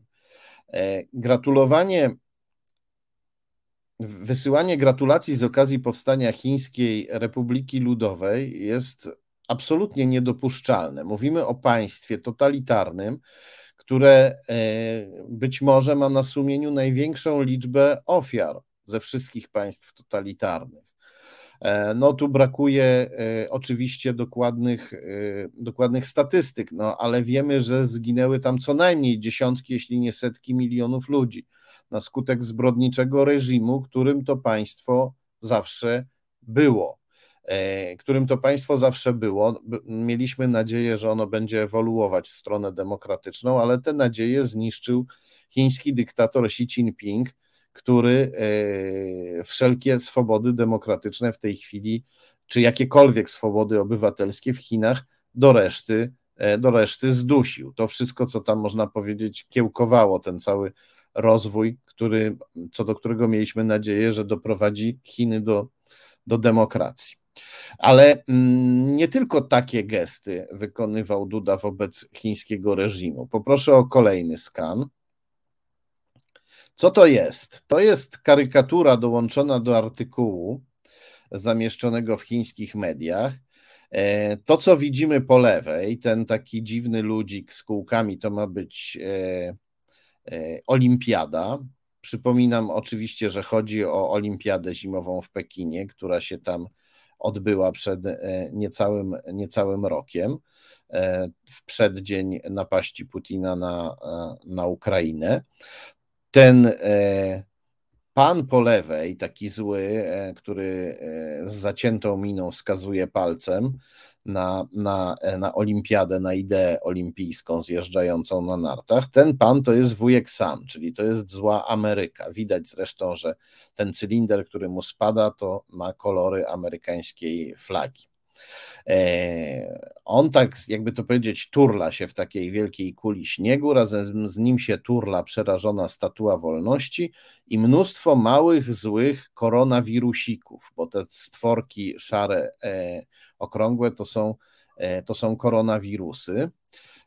Dlaczego koronawirusy otaczają wuja sama? No bo propaganda chińska wbrew rzeczywistości twierdzi, że wirus wcale nie pochodzi z Chin, tylko że został Chińczykom e, zaszczepiony przez złych e, Amerykanów. No niestety tak wygląda życie w państwie, w państwie totalitarnym. Chińskie media kłamią jeszcze bardziej niż TVP, choć nam to pewnie trudno sobie wyobrazić. I w tym samym artykule pod tą karykaturą E, czytamy, że e, właśnie, czytamy, że zły Zachód chce zbojkotować olimpiadę, politycy zachodni chcą zbojkotować olimpiadę, ale jest wspaniały przyjaciel Chin, który się e, nie łamie, nie zawahał się i przyjechał na olimpiadę uświetnić ją swoją osobą. Tym wspaniałym przyjacielem Chin jest oczywiście zbrodniczy, zbrodniczy dyktator Rosji Władimir Putin. A tuż obok Putina w tym samym artykule pojawia się kolejny wielki przyjaciel Chin, który tak samo jak Putin się nie załamał, nie uległ złemu wujowi Samowi i przyjechał do Chin, e, e, żeby uświetnić olimpiadę swoją osobą, żeby złamać amerykański bojkot narzucony innym politykom świata zachodniego. Tym przyjacielem jest oczywiście Andrzej e, Duda. E, mm, skoro już mamy Dudę na zdjęciu, to poproszę o kolejny skan, na którym zobaczymy Andrzeja Dudę znacznie młodszego. Tak, to ten po prawej stronie. To jest e, zdjęcie z 2008 roku, kiedy to na Politechnice Opolskiej został utworzony Instytut Konfucjusza, czyli placówka rzekomo wymiany kulturalnej, placówka, która pod e, pozorem nauki języka, pod pretekstem nauki języka i wymiany kulturalnej uprawia działalność propagandową i wywiadowczą na rzecz Chin. Duda specjalnie przyjechał z Warszawy, żeby swoją osobą znów uświetnić chińską imprezę, tym razem w Opolu. Wtedy był e, sekretarzem stanu w kancelarii prezydenta Lacha Kaczyńskiego, więc już był dość ważną osobą i zapewne goście poczuli się zaszczyceni. Jednak o ile wiemy, wtedy jeszcze Duda się z Chińczykami nie afiszował i zrobił sobie zdjęcie z amerykańskimi uczestnikami imprezy, których widzimy na zdjęciu. Zdjęcia z Chińczykami sobie, e, sobie e, o ile wiemy, nie zrobił, a w każdym razie ono nie trafiło do żadnych e, mediów. Ale Ciotka Andrzeja Dudy, miejscowa polityczka PiS z Opola, Krystyna Duda, Ona nie bała się już wtedy afiszować. Tak się bowiem składa, że to Krystyna Duda wspomagała utworzenie Instytutu Konfucjusza na Politechnice Opolskiej i w wydawanej przez siebie uczelnianej gazecie wychwalała chińską cywilizację. To fragment artykułu Nie rób drugiemu, co Konfucjuszowi niemiłe. E, I w artykule tym pojawiły się e, stwierdzenia dla Chińczyków miłe, ale dla Polaków nawet obraźliwe. Czytamy tutaj, kiedy nad terenami dzisiejszej Polski szumiały ciemne knieje, jeszcze tysiąc lat z okładem przed pierwszymi Słowianami, którzy mogliby się klnąć na Peruna, w egzotycznym państwie na Dalekim Wschodzie już tworzyły się zręby systemu religijno-etycznego praktykowanego po dziś dzień jako konfucjanizm. E, tak pisała gazeta wydawana przez Krystynę Dudę, polityczkę PiS i e, stryjenkę e, Andrzeja Dudy, żonę jego stryja Antoniego Dudy, który który małego Andrzeja wychowywał. Andrzej Duda jest ze swoim stryjem i stryjenką mocno związany, co też zostało opisane w książce Duda i jego tajemnice. I proszę Państwa, to jest prawda, że cywilizacja chińska zaczęła się e, znacznie wcześniej niż, niż nasza. E, natomiast, e, jakby to powiedzieć, pokazywanie naszych przodków jako dzikich, dzikich Słowian, którzy są znacznie zapóźnieni w stosunku do wspaniałej cywilizacji chińskiej, jest, e, mówiąc delikatnie, nieuczciwe, szczególnie jeśli się e, z tej cywilizacji chińskiej wyciąga to, co najgorsze. A konfucjanizm jest niestety e, jedną z najgorszych cech tej cywilizacji, która ma też swoje oczywiście wybitne osiągnięcia, ale która niestety została tym konfucjanizmem skażona. Konfucjanizm to jest system filozoficzny, który wpaja Chińczykom uległość wobec władzy i skrajny konformizm. Bez konfucjanizmu być może Chiny nie byłyby tak potwornym reżimem jak ten, którym są. To tyle o Dudzie. Mówiliśmy o Morawieckim, mówiliśmy o Dudzie, to teraz się trochę zniżymy w hierarchii e, partyjnej. E, będzie mowa o pośle Zbigniewie Giżyńskim, który przez długie, długie lata tworzył PiS, potem odszedł z PiS, potem wrócił do PiS, ostatnio znowu odszedł z PiS, ale przez lata, lata, długie lata tę, e, tę partię współtworzył. I e, dotąd też e, w jakiejś mierze popiera koalicję rządzącą. Zajrzyjmy może, poproszę o kolejny skan. Zajrzyjmy może do Krajowego Rejestru Sądowego, a jak zajrzymy do Krajowego Rejestru Sądowego, to zobaczymy, że poseł Giżyński zasiada w Towarzystwie Azji i Pacyfiku, jako członek zarządu tego towarzystwa. No, Towarzystwo Azji i Pacyfiku brzmi nie tylko egzotycznie, ale też budzi pewne skojarzenia. No, jak wiadomo, e, największym azjatyckim państwem mającym e, najdłuższą linię brzegową e, przy Oceanie Pacyficznym je, są, e, są Chiny. E, I Towarzystwo Azji i Pacyfiku łatwo się domyśleć, że może z Chinami mieć coś wspólnego. No i to podejrzenie okazuje się słuszne, kiedy e, zajrzymy tak, kiedy zajrzymy na e, stronę wydawnictwa Adam Marszałek. Na skanie, który widzieliśmy przed chwilą, Adam Marszałek figurował jako prezes Towarzystwa Azji i Pacyfiku i odnajdujemy go również jako właściciela wydawnictwa Adam e, Marszałek. To ten sam Adam Marszałek, który jest kolegą posła Giżyńskiego w Towarzystwie Azji i Pacyfiku. E, poproszę o kolejny skan. To jest e, fragment strony internetowej wydawnictwa Adam Marszałek. Zaznaczyłem na żółto słowo Chiny, chiński, China, żebyśmy zobaczyli, jakie Chiny są E, e, ważne dla wydawnictwa Adam Marszałek. Czytamy tutaj, że kolega posła Giżyńskiego pisze tak, przecieraliśmy szlaki na chińskim rynku wydawniczym. E, wkład twórcy wydawnictwa doktora Adama Marszałka został doceniony przez najwyższe władze państwowe Chińskiej Republiki Ludowej. Realizujemy wspólne projekty z, i tutaj nazwy chińskich wydawnictw, chińskich, chińskich wydawnictw i instytucji edukacyjnych. Jest tego tutaj bardzo, bardzo dużo. No, y, chwali się też Adam Marszałek, że współpracuje z postsowieckim wschodem, z Azerbejdżanem, Kazachstanem, Uzbekistanem. Więc to jest Adam Marszałek, który w Towarzystwie Azji i Pacyfiku jest szefem posła Giżyńskiego, no bo poseł Giżyński, jak widzieliśmy, jest członkiem zarządu, a Adam Marszałek jest e, prezesem. Poproszę może jeszcze o skan numer 14 na chwilę, e, jeżeli możemy do niego wrócić. O tak, to ten, który widzieliśmy. Tutaj na górze widzimy e, Adama Marszałka jako, e, jako prezesa. E, no dobrze. Co jeszcze, czym jeszcze, czym dokładnie się zajmuje wydawnictwo Adama Marszałka, który jest szefem posła Giżyńskiego w Towarzystwie Azji i Pacyfiku? Poproszę o skan numer 17. O, poszliśmy chyba trochę za daleko. O tak. To jest e, książka wydana przez wydawnictwo Adam Marszałek. E, tak jest, to jest fragment strony internetowej, która reklamuje tę książkę. Książka się nazywa Chiny i komunistyczna partia Chin. E, wyzwania stojące przed nimi i odpowiedzi na nie. Wprowadzenie napisał uczony z zachodu Robert Lawrence Kuhn. I to wprowadzenie też nosi piękny tytuł Zrozumieć komunistyczną partię Chin. Poproszę o kolejny skan to są e, e, nazwy rozdziałów z tej książki. Niech myśl przekazuje swoją pozytywną energię. E, rdzenne wartości socjalizmu i tradycyjnej kultury chińskiej.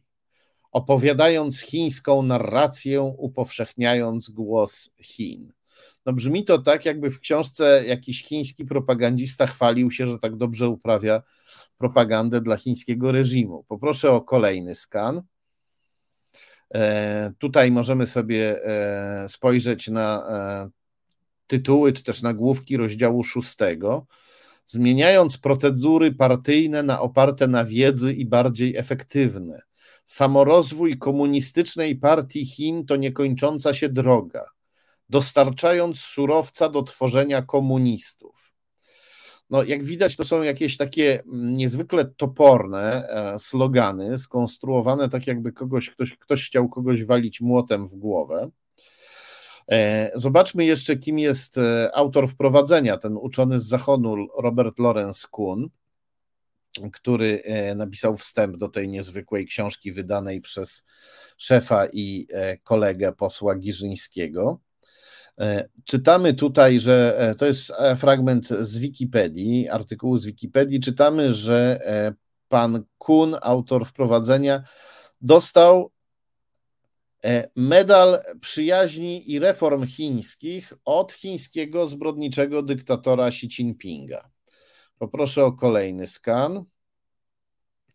To jest fragment artykułu gazety China Daily, gdzie czytamy, że pan Kun, e, przedstawiony tutaj jako e, wiodący specjalista od Chin, e, chwali się tym, że dostał ten właśnie medal, medal przyjaźni od chińskiego dyktatora. I tutaj pan Kun mówi o tym, że chce pokazywać światu ważność Chin, to jak Chiny są, e, to jak Chiny są, e, są ważne. Na skanie, który widzieliśmy, na skanie numer 14, może poproszę o skan numer 14 jeszcze raz. E, jeśli nasz realizator Maciej będzie tak dobry, tak. Na skanie numer 14 widzimy pod nazwiskiem Adama Marszałka, widzimy, że wiceprezesem Towarzystwa Azji i Pacyfiku jest niejaki Marceli Burdelski, a więc to drugi szef posła Giżyńskiego w tej organizacji. E, e, w związku z tym poproszę o kolejny skan przy którym, o właśnie, to jest pan Marceli Burdelski. tak jak nam go przedstawia Krajowy Rejestr Sądowy, a dokładnie e, serwis Rejestr IO oparty na Krajowym Rejestrze Sądowym, czytamy, że pan Marceli Burdelski jest nie tylko wiceprezesem i skarbnikiem Towarzystwa Azji i Pacyfiku, ale e, także e, członkiem Komisji Rewizyjnej Towarzystwa Przyjaźni Polsko-Chińskiej. No dobrze, i co to za towarzystwo? Poproszę o kolejny skan. W tym towarzystwie obok e, Marcelego Burdelskiego widzimy Chińczyka o nazwisku Hua Chang oraz panią o polsko-chińskim nazwisku Agnieszka Urszula Wu Skawińska. Kim jest ta pani? Poproszę o następny skan. Poproszę, o, mamy jeszcze raz ten sam skan, który był. Poproszę o następny. Tak. Widzimy, że pani Agnieszka Urszula Łuskawińska e, działa także w organie nadzorczym Polsko-Chińskiej Rady Biznesu. Więc e, robi się, jakby tu powiedzieć, coraz poważniej. Poproszę o kolejny skan. E, to jest e, skan serwisu LinkedIn, serwisu dla profesjonalistów, w którym pani Agnieszka Wóz-Kawińska się e, prezentuje, ma swoje konto, widzimy tutaj jej zdjęcie. I co ona tam o sobie pisze w tym serwisie LinkedIn? Poproszę o następny skan. Ona tutaj pisze o sobie, że uczyła się w Chinach, E, a po studiach e, pracowała e, w chińskiej firmie China Overseas Engineering Group Co., która w Polsce jest znana jako Kowek. Znana to, cóż, znana wypadałoby powiedzieć niesławna. Poproszę o następny skan. No cóż, znowu się nam powtórzył skan coś się dzieje. O, udało się, mamy następny skan. Czytamy tutaj, że Kowek e, należy do chińskiej firmy China Railway Group, która z kolei e, należy e, do państwowej chińskiej reżimowej firmy kolejowej China Railway Engineering Corporation. W Polsce firma Kowek została dobrze zapamiętana. Poproszę o kolejny skan. E, I nie tylko w Polsce, ponieważ e, firma Kowek e, miała w Polsce budować autostrady, wygrała przetarg, bo podała bardzo zaniżone ceny. A kiedy już zaczęła budować autostradę, to ogłosiła, że musi renegocjować warunki kontraktu i chce więcej pieniędzy a jak ich nie dostała, to zostawiła rozgrzebaną autostradę, no i skandal był wielki, nie tylko w Polsce, tylko w całej, e, w całej Europie. A mimo to pani Agnieszka Łuskawińska uważa, że warto się e, chwalić swoją e, współpracą, swoją pracą dla takiej, dla takiej firmy. To tyle o kolegach i powiązaniach posła Giżyńskiego. One są dosyć oczywiste. E, natomiast teraz przechodzimy do sprawy bardziej e, nieoczywistej i być może przez to bardziej niepokojącej. E, otóż wiceprzewodniczącym Rady Miasta Stołecznego Warszawy z ramienia PiS jest ten oto pan, polityk Prawa i Sprawiedliwości Dariusz Figura. Poproszę o kolejny skan. To jest skan z portalu samorządowego gdzie e, czytamy, że Dariusz Figura to absolwent Politechniki Warszawskiej, Wydziału Elektroniki i Technik Informacyjnych, e, że w latach 80. E, działał w organizacjach katolickich, także, także podziemnych na Żoliborzu w Warszawie. Poproszę o kolejny skan. Czytamy również na portalu samorządowym, że e, od 95 roku Dariusz Figura jest współwłaścicielem i, wice, i wiceprezesem zarządu firmy Pentacomp Systemy Informacyjne. Od 95 e, roku postanowiłem się trochę przyjrzeć tej firmie. Poproszę o kolejny skan. I co się okazało? Okazało się, że firma oferuje nam bezpieczne przechowywanie naszych danych, naszych informacji w, w chmurze. No, nie wiem jak Państwo, ale ja bym e, nie powierzył e, moich danych firmie, na czele której stoi e, polityk PiS. Czym jeszcze zajmuje się ta firma? Poproszę o kolejny skan. Otóż firma radnego figury zajmuje się również wywiadem biznesowym. Tutaj czytamy, to jest kolejny fragment ze strony internetowej tej firmy, czytamy, że firma zajmuje się business intelligence, czyli, czyli wywiadem przemysłowym, wywiadem biznesowym, wywiadem, wywiadem w biznesie. Postanowiłem też rzucić okiem na tę firmę w Krajowym Rejestrze Sądowym, a przede wszystkim postanowiłem rzucić okiem na radnego figurę. Zobaczyłem, że radny figura e, był wiceprezesem zarządu tej firmy do 2018 roku, czyli rządził w tej firmie od 95 e, do 2018 roku. To będzie 23 lata bardzo długo, to znaczy związał niemal całe swoje życie z tą, e, z tą firmą. Czytamy tutaj, bo mamy tutaj skan z serwisu rejestr IO, czytamy, że był wiceprezesem zarządu od 2007 do 2018, a na dole czytamy, że był e, e, współwłaścicielem firmy od 2002 do 2011 i również członkiem zarządu. Dlaczego taka podwójność?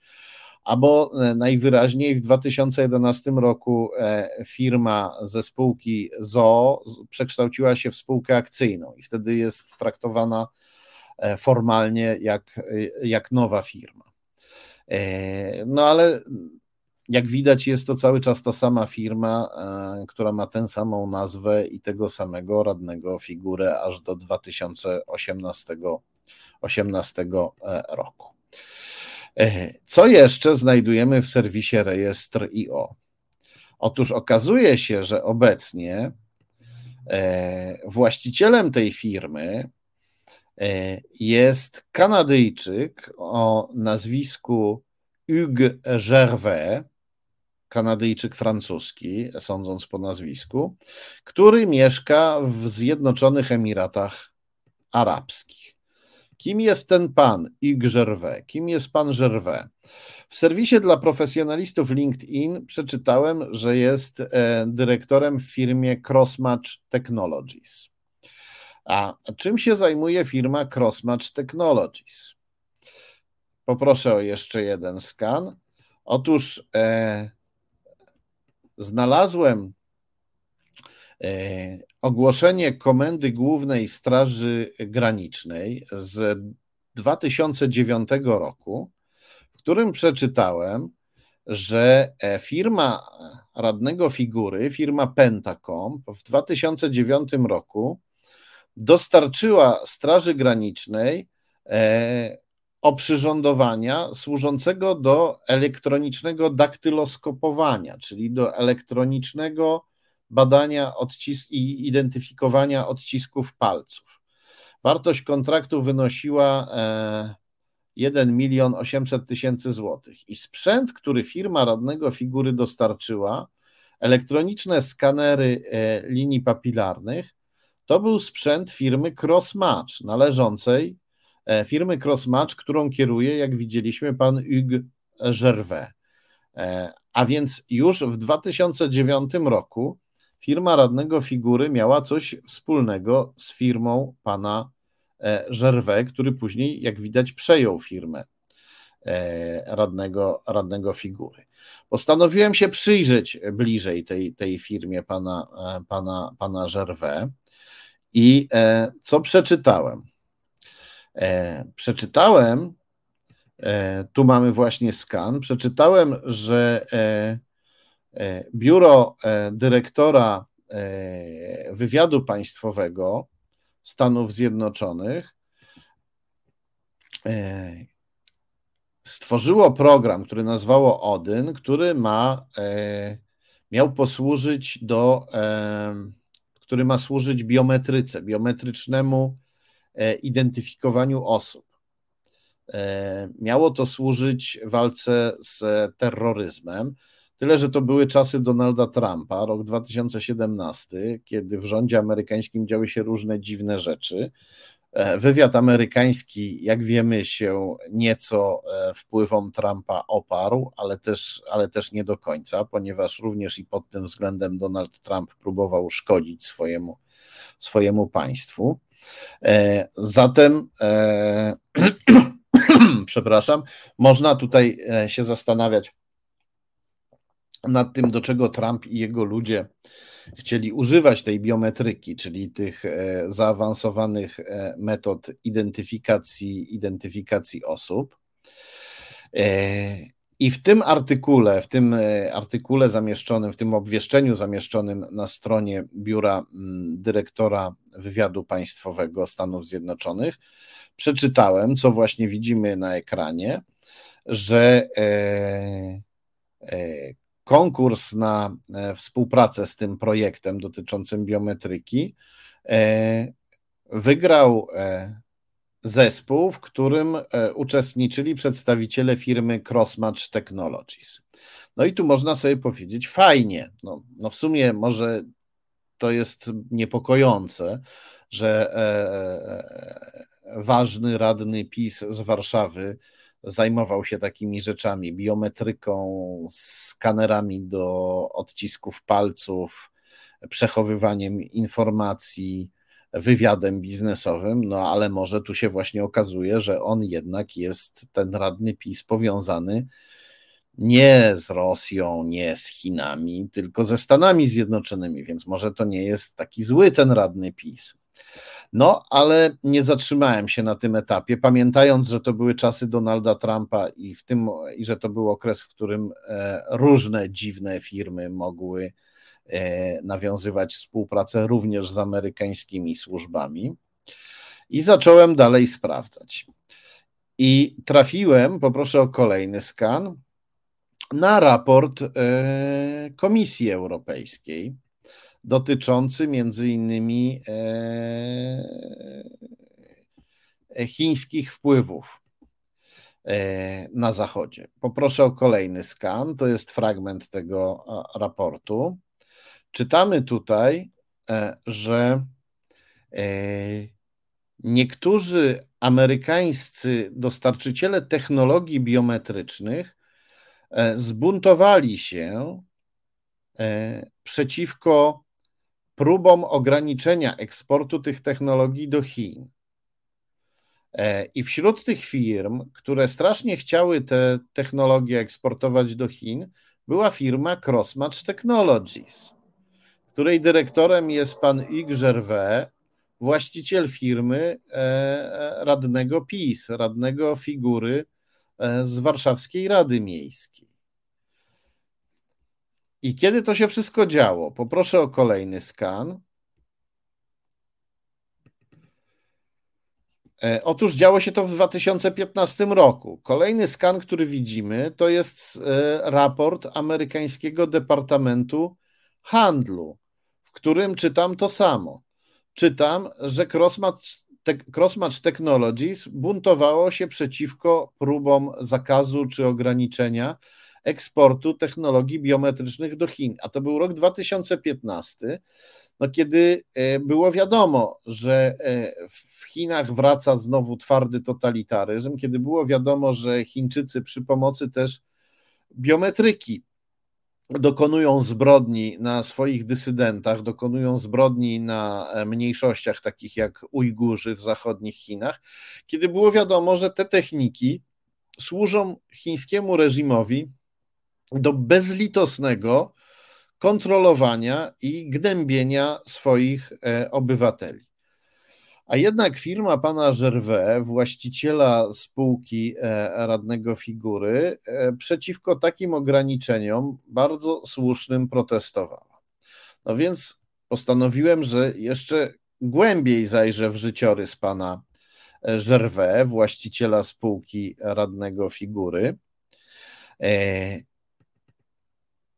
Oto to, co teraz widzimy, to jest kolejny skan z serwisu LinkedIn, serwisu dla profesjonalistów. Pan Gervais tutaj chwali się swoją e, historią, swoim życiorysem. Pisze, że przez 14 lat, e, od 2009, e, e, przez ostatnie 14 lat pracował, od 14 lat pracuje, od 2009 roku dla firmy Crossmatch Technologies, czyli pracował dla niej e, od stycznia 2009 roku, czyli pracował dla niej już wtedy, kiedy radny Figura ze swoją firmą e, skanery pana Gervais e, oferował i instalował na stanowiskach Polskiej Straży Granicznej. Ale co jeszcze czytamy tutaj? Czytamy, że wcześniej przez 10 lat pan Gervais e, zarządzał firmą e, Labcal. I dlaczego firma Labcal nas interesuje? Poproszę o kolejny skan. Otóż w artykule portalu Globe Newswire z 2002 roku czytamy, że Lapkal, e, firma Lapkal i jej produkty już wtedy zostały wybrane przez Chińską Republikę Ludową e, do stworzenia biometrycznego dowodu osobistego dla e, Chińczyków. I tutaj artykuł zachwala ten chiński dowód osobisty jako największy na świecie wówczas projekt z dziedziny biometryki. Przypomnę, biometryka służy do tego, żeby identyfikować e, osoby na podstawie ich danych fizycznych, biologicznych, tego jak wyglądają, a czasem też tego jak oddychają na przykład, bo nie tylko o twarz i odciski palców tu chodzi, jest ogromna ilość danych biologicznych, za pomocą których można człowieka e, e, mniej lub e, dalej lub bliżej zidentyfikować. I ten projekt, to wprowadzenie biometryki do chińskiego reżimu, to była jakby podstawa, to był początek tego potwornego mechanizmu, który dzisiaj w Chinach istnieje, mechanizmu totalnej inwigilacji i kontroli wszystkich obywateli. Ten mechanizm jest potworny. Wielu z nas nie zdaje sobie sprawy z tego, w jakim piekle żyją Chińczycy, którzy są nieustannie obserwowani za pośrednictwem swoich telefonów, za pośrednictwem swoich komputerów, za pośrednictwem swoich telewizorów, za pośrednictwem kamer e, monitoringu, które są e, wszędzie. Ich zachowania są nieustannie oceniane przez ten elektroniczny system, który im nalicza punkty karne, na przykład za zachowania aspołeczne, uznawane przez reżim za aspołeczne, czyli na przykład za zachowania anty, e, antyreżimowe. I e, wtedy właśnie w 2002 roku tworzono podstawy tego potwornego systemu i uczestniczyła w tym firma Lapkal, firma pana Gervais, który jest właścicielem spółki pisowskiego radnego figury wiceszefa Rady Miasta Warszawy. Poproszę o e, kolejny skan. To dalszy ciąg tego artykułu, o którym mówiliście, o którym mówiliśmy, po to, żeby już nikt z nas nie miał wątpliwości. W tym samym artykule czytamy, e, e, w tym samym artykule wypowiada się właśnie Ig Gervais, obecnie właściciel spółki radnego figury który, e, który zachwala ten e, projekt jako, e, jako coś nowego, jako nowy kontekst, jako nową sytuację, która jest dobra dla jego firmy i dla, i dla innych firm. Ten człowiek już wtedy uczestniczył w budowaniu chińskiego reżimu. No, trudno to inaczej nazwać. I ten człowiek jest, e, ten człowiek współpracował z firmą e, radnego figury, a potem ją przejął. E, Cóż, można powiedzieć, że e, to było e, dawno, ale jak widzimy w 2015 roku firma pana Gervais też nadal chciała współpracować z chińskim reżimem i eksportować technologie do Chin, technologie, które pozwalają chińskiemu reżimowi gnębić obywateli. Można powiedzieć, że to powiązanie pośrednie i że y, radny figura już od kilku lat nie działa w tej spółce, no ale działał w niej wcześniej przez 23 lata. Oczywiście wszyscy wolimy historie proste, które można łatwiej opowiedzieć i powiązania, które można przedstawić jedną strzałką, ale niestety nasz świat tak funkcjonuje, że nie da się go jedną strzałką opisać. Jeśli e, jednak ktoś bardzo chce sytuacji całkowicie jednoznacznej i mieszczącej się na jednym obrazku, no to poproszę o kolejny skan. To jest e, fragment artykułu, opartego zresztą na oficjalnym komunikacie, który znalazł się na, e, na stronach policji polskiej. To jest e, artykuł, w którym czytamy, że Wyższa Szkoła Policji w Szczytnie rozpoczęła współpracę z Uniwersytetem Bezpieczeństwa Publicznego w Pekinie. To jest artykuł z 2017 roku. Pisowcy doszli do władzy, przejęli policję, przejęli e, wyższą szkołę policji i co wymyślili? Wymyślili, że e, nauczyciele naszych policjantów, policjanci, którzy uczą młodszych policjantów, jak być policjantami, powinni współpracować, wymieniać się doświadczeniami, powinni zapraszać do Polski, do Wyższej Szkoły Policji w Szczytnie,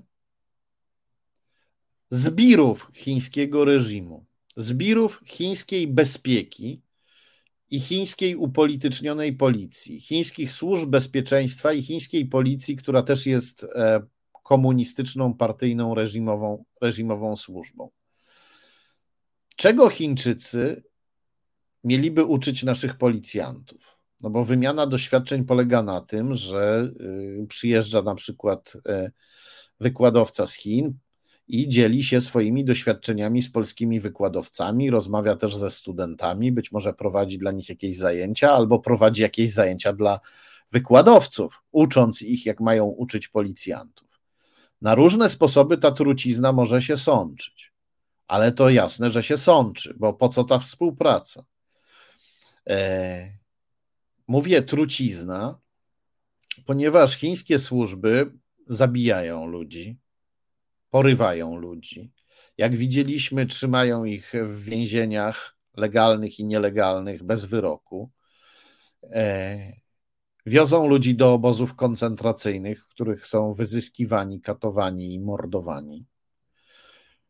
Chińskie służby, chińska policja torturują przesłuchiwanych, biją ich, katują do nieprzytomności, stosują też inne potworne tortury, na przykład przywiązują człowieka do ławki w taki sposób, żeby miał e, nogi na sztywno wyprostowane, przywiązane do, do, do, do twardej, prostej deski i tak go trzymają przez dobę, dwie doby.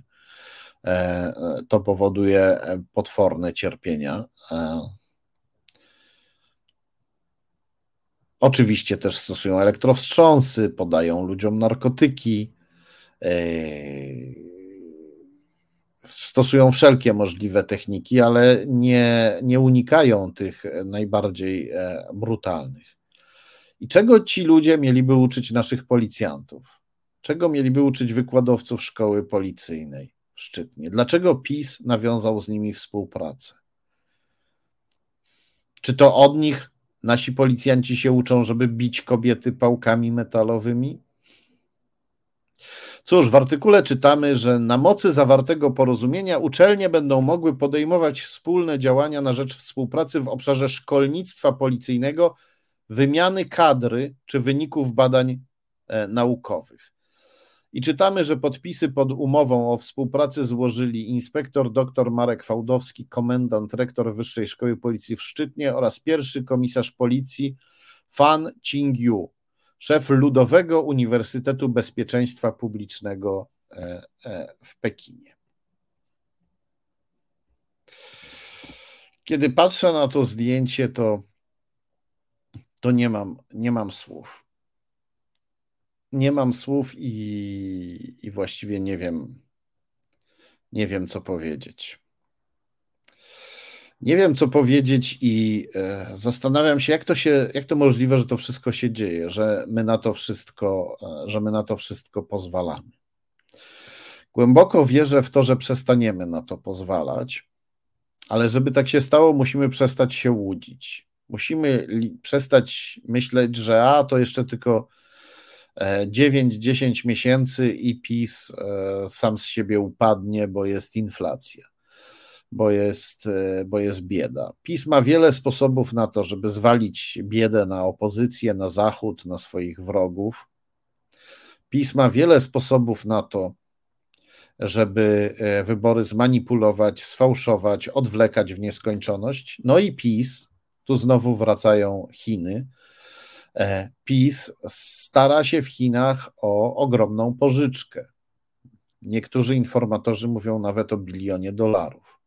Po to, żeby na chwilę naprawić gospodarkę, którą PiS zepsuł, i po to, żeby obsypać wyborców pieniężnymi prezentami przed wyborami po to, żeby znowu wybory e, wygrać. Chińczycy obwarowują tę pożyczkę bardzo surowymi warunkami. E, żądają polskich portów, chcą mieć udziały w KGHM-ie, czyli w naszym wielkim kombinacie miedziowym, ale chcą też jawnego zerwania z Amerykanami na co PiS obecnie nie może sobie pozwolić, bo wyborcy PiS ciągle są przestraszeni wojną w Ukrainie i chcą mieć amerykański parasol nad Polską. Ale jeżeli wyborcy PiS przestaną się tej wojny bać, jeśli ona im spowszednieje, jeśli Ukraińcy odepchną Putina e, na wschód i wypchną go ze swojego kraju, to PiS może po te chińskie pieniądze sięgnąć, po ten zatruty, zatruty prezent. My nie możemy na to pozwolić. Kiedy PiS będzie chciał odwlekać wybory, musimy protestować. Musimy wyjść na ulicę, ale tak samo powinniśmy wyjść na ulicę, jeżeli nagle się dowiemy, że PiS podpisuje umowę z chińskimi bankami albo z chińskim reżimem bezpośrednio i e, przyjmuje gigantyczną pożyczkę z Chin. Nie możemy się zgodzić na przyjęcie takiej pożyczki. Chiny, jak widać, to bardzo niebezpieczne, agresywne mocarstwo. Chiny to najgorszy na świecie wierzyciel, o czym wierzą o czym, o czym wiedzą kraje afrykańskie, które się w Chinach zapożyczyły. E, Chiny nie są takie jak Zachód, który nam dał, darował sporą część długów zaciągniętych w latach 70. przez komunistycznego przywódcę Edwarda Gierka. Zachód nam je darował, gdy Polska e, obaliła komunizm i e, ustanowiła u siebie demokrację.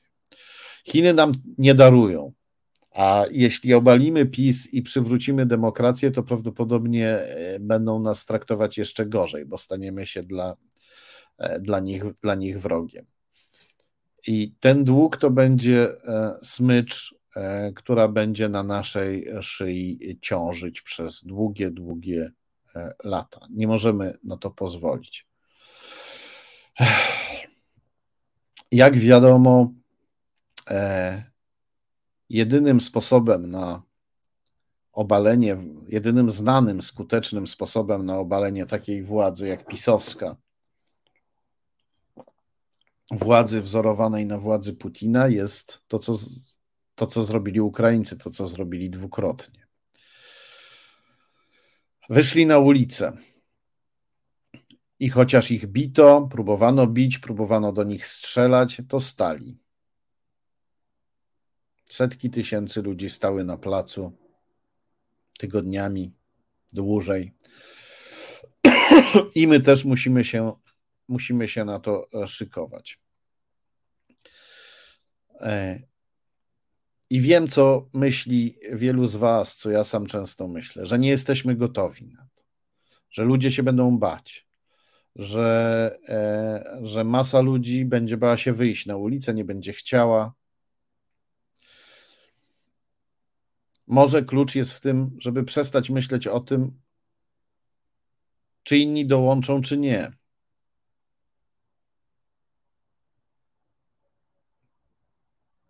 Trzeba walczyć o to, co jest do nas ważne i nie oglądać się na innych. Być może taki jest klucz, być może za bardzo oglądamy się na innych.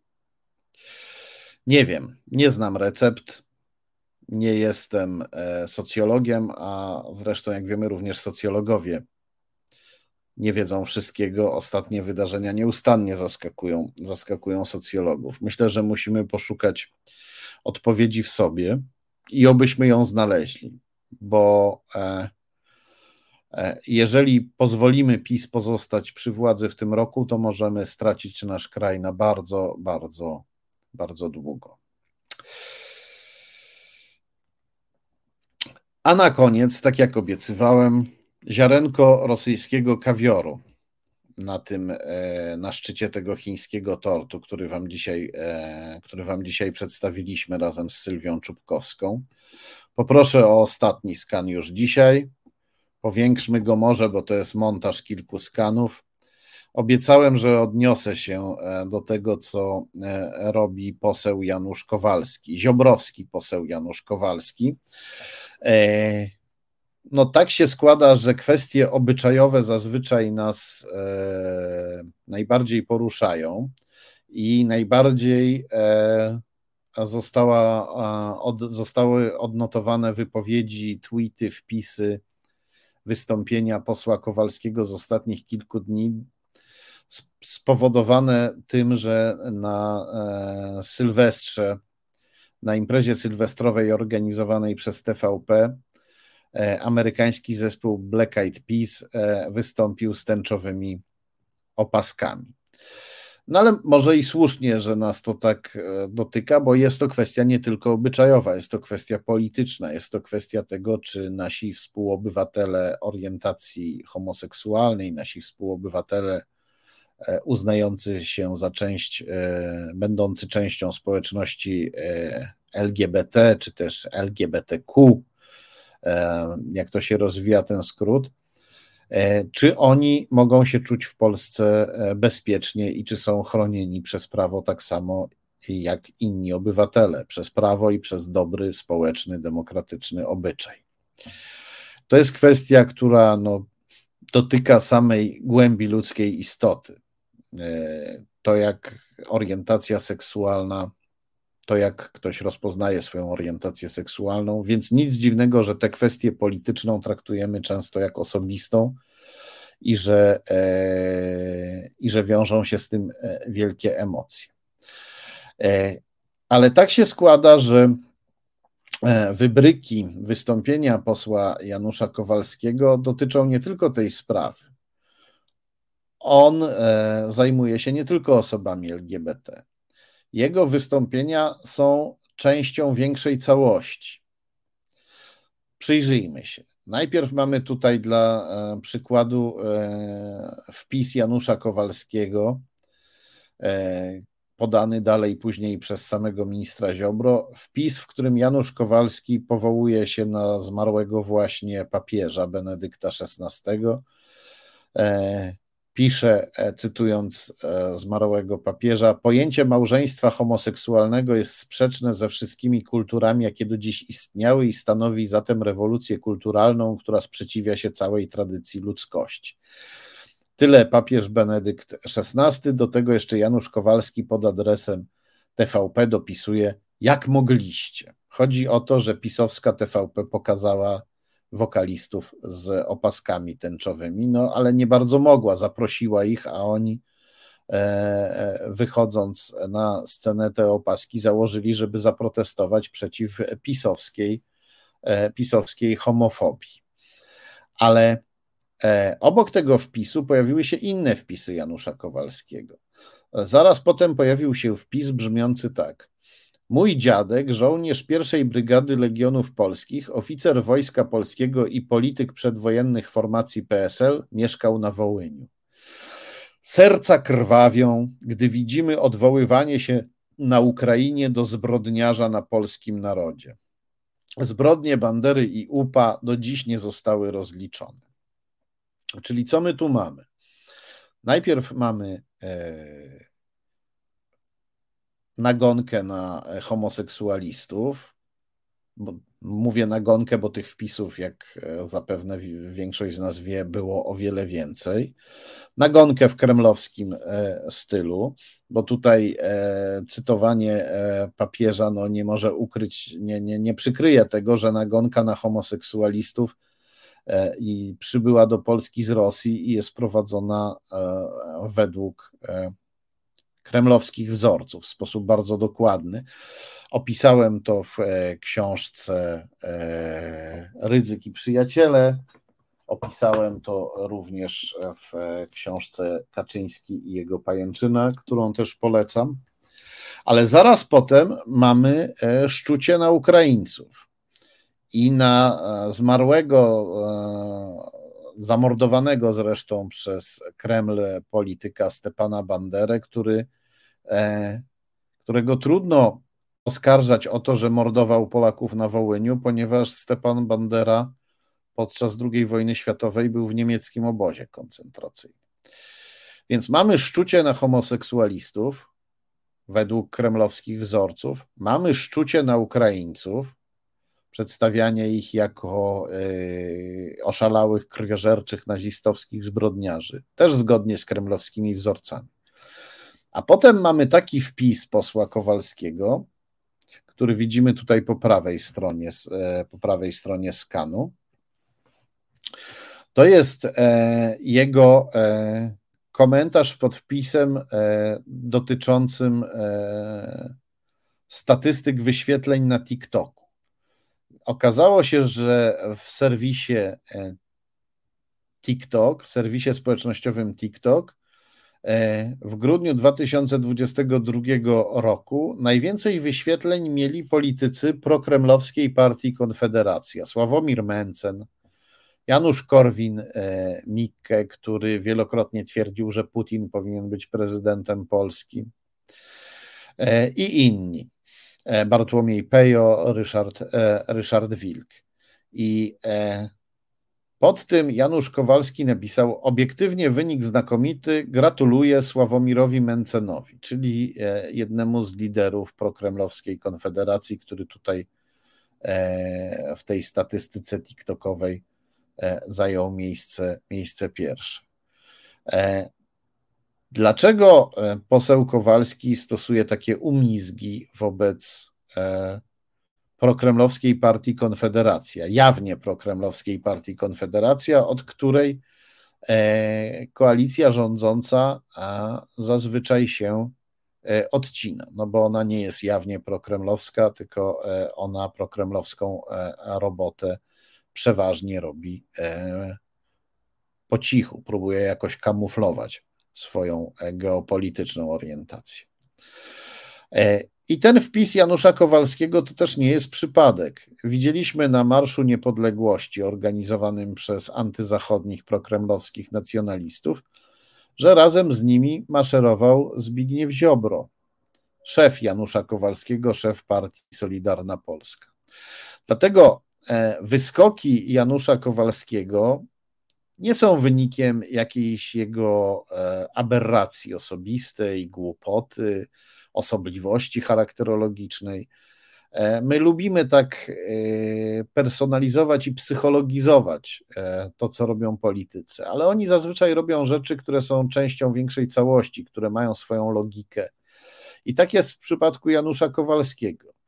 To, co robi Janusz Kowalski, w sposób oczywisty służy Kremlowi, Podobnie jak to, co robi jego partia. To jest część ideologicznego miksu, ideologicznego pakietu zaserwowanego nam przez Kreml, w którym jest i antyukraińskość, i antykobiecość, i e, nienawiść do gejów, i nienawiść do całego Zachodu, którą Kowalski też często okazuje, nienawiść do Unii Europejskiej. E, myślę, że będzie dobrze, jeśli my przestaniemy się właśnie ekscytować takimi wybrykami, tylko zobaczymy, że to jest część pewnej kampanii.